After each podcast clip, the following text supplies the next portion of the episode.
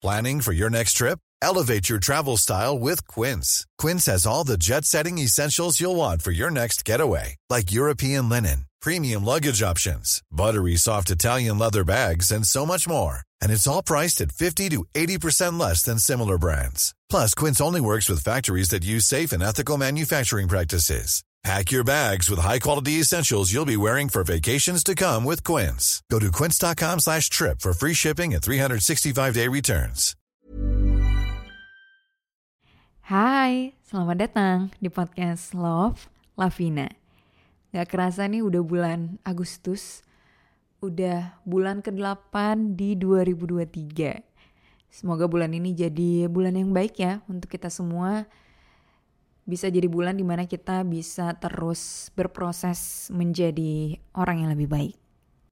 Hari ini aku mau sharing tentang belajar dari orang lain. Ini adalah salah satu cara yang aku lakukan ketika aku mau mencoba suatu hal yang baru. Karena aku yakin banget apa pun yang mau kita coba lakukan, pasti udah ada duluan orang lain yang nyemplung ke hal tersebut. Udah ada orang lain duluan yang jadi expert di bidang itu. Jadi salah satu caranya untuk kita belajar adalah kita belajar dari orang lain itu yang udah duluan ngelewatin journey-nya. Cara belajar dari orang lain ini bisa dengan kita mengamati sendiri atau kita juga bisa sebenarnya ngajak orang ini buat sharing-sharing. Salah satu contoh case aku belajar dari orang lain itu adalah ketika bikin podcast aku kan sebenarnya udah ngonten di sosmed itu dari 2021, awal 2021. Nah, aku baru mau mulai bikin podcast itu di bulan September 2022. Jadi podcast ini adalah suatu hal yang baru bagi aku. Jadi pada saat itu aku dengerin banyak banget podcast. Aku buka chart podcast, terus aku dengerin podcast-podcast yang ada di top chart, dan aku nggak cuma dengerin podcastnya aja tapi aku juga buka sosmednya. Aku lihat gimana orang ini cara promosiin podcastnya dia apa yang dia post di sosmednya yang berhubungan sama podcastnya. Itu aku pelajarin aku perhatiin aku dengerin aku tontonin. Tujuannya adalah ya biar aku tahu gitu oh ternyata orang tuh suka dengar podcast yang begini cara promosiin podcast di sosmed lain tuh begini. Dan di situ aku juga memposisikan diri sebagai pendengar kan. Kira-kira aku sebagai pendengar tuh suka dengerin podcast yang gimana. Jadi nanti waktu aku udah bikin podcast sendiri, ya aku akan bikin podcast yang aku sendiri bakalan mau denger gitu. Jangan sampai nih ya, aku bikin sesuatu yang kalau dikasih dengar ke diri aku sendiri aku nggak mau dengar karena nggak bagus gitu misalnya.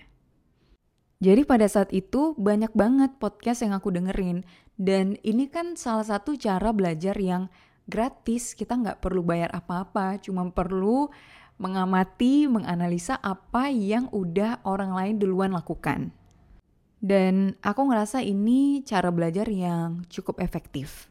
Karena aku kan belum tahu apa-apa nih, belum bisa apa-apa. Jadi keputusan yang baik gitu untuk ngeliat orang yang istilahnya udah sukses duluan lah di bidang itu dan menganalisa apa yang dia lakuin, gimana cara dia ngelakuinnya dan coba untuk ikutin cara-cara itu. Nggak perlu gengsi untuk belajar dari orang lain akuilah kalau kita emang perlu belajar dari orang yang lebih pinter gitu. Orang yang udah duluan gitu di bidang itu dibandingkan kita. Aku tuh sering bilang ya ke diri aku sendiri, jangan ngerasa sok bisa sendirian. Jangan ngerasa udah yang paling pinter. Karena kalau aku ngerasa kayak gitu, aku nggak akan mau belajar dari orang lain Padahal ya pasti selalu ada orang yang lebih baik dari kita, lebih pintar dari kita. Dan kalau kita pengen terus berkembang, ya kita belajar dari orang itu.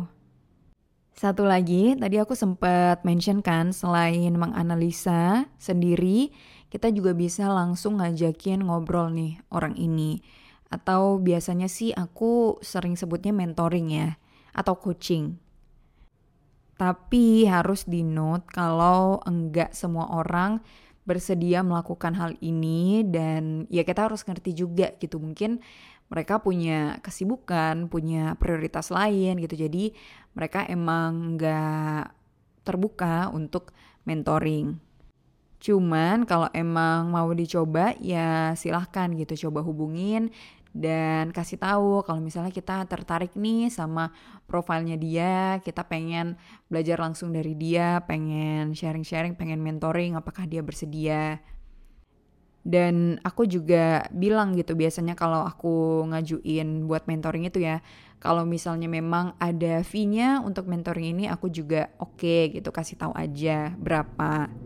Karena aku menghargai ini orang pasti sibuk, pasti punya banyak hal lain lah yang harus dia lakukan gitu. Jadi kalau memang dia bersedia menyediakan waktunya untuk aku dan ada rate-nya gitu ya menurut aku itu nggak apa-apa banget sih. Contohnya kalau ini aku pernah beberapa kali mentoring untuk beasiswa. Walaupun ya sampai sekarang belum dapat beasiswanya, tapi ya itu salah satu cara aku berusaha aku approach beberapa orang yang emang udah jadi penerima beasiswanya nih. Terus aku ajak mereka buat mentoring. Di situ aku bisa nanyain langsung gitu ke mereka gimana cara mereka untuk dapetin beasiswa itu. Dan di situ aku juga bisa nanya kayak strugglesnya apa. Jadi aku bisa mempersiapkan diri lah untuk itu.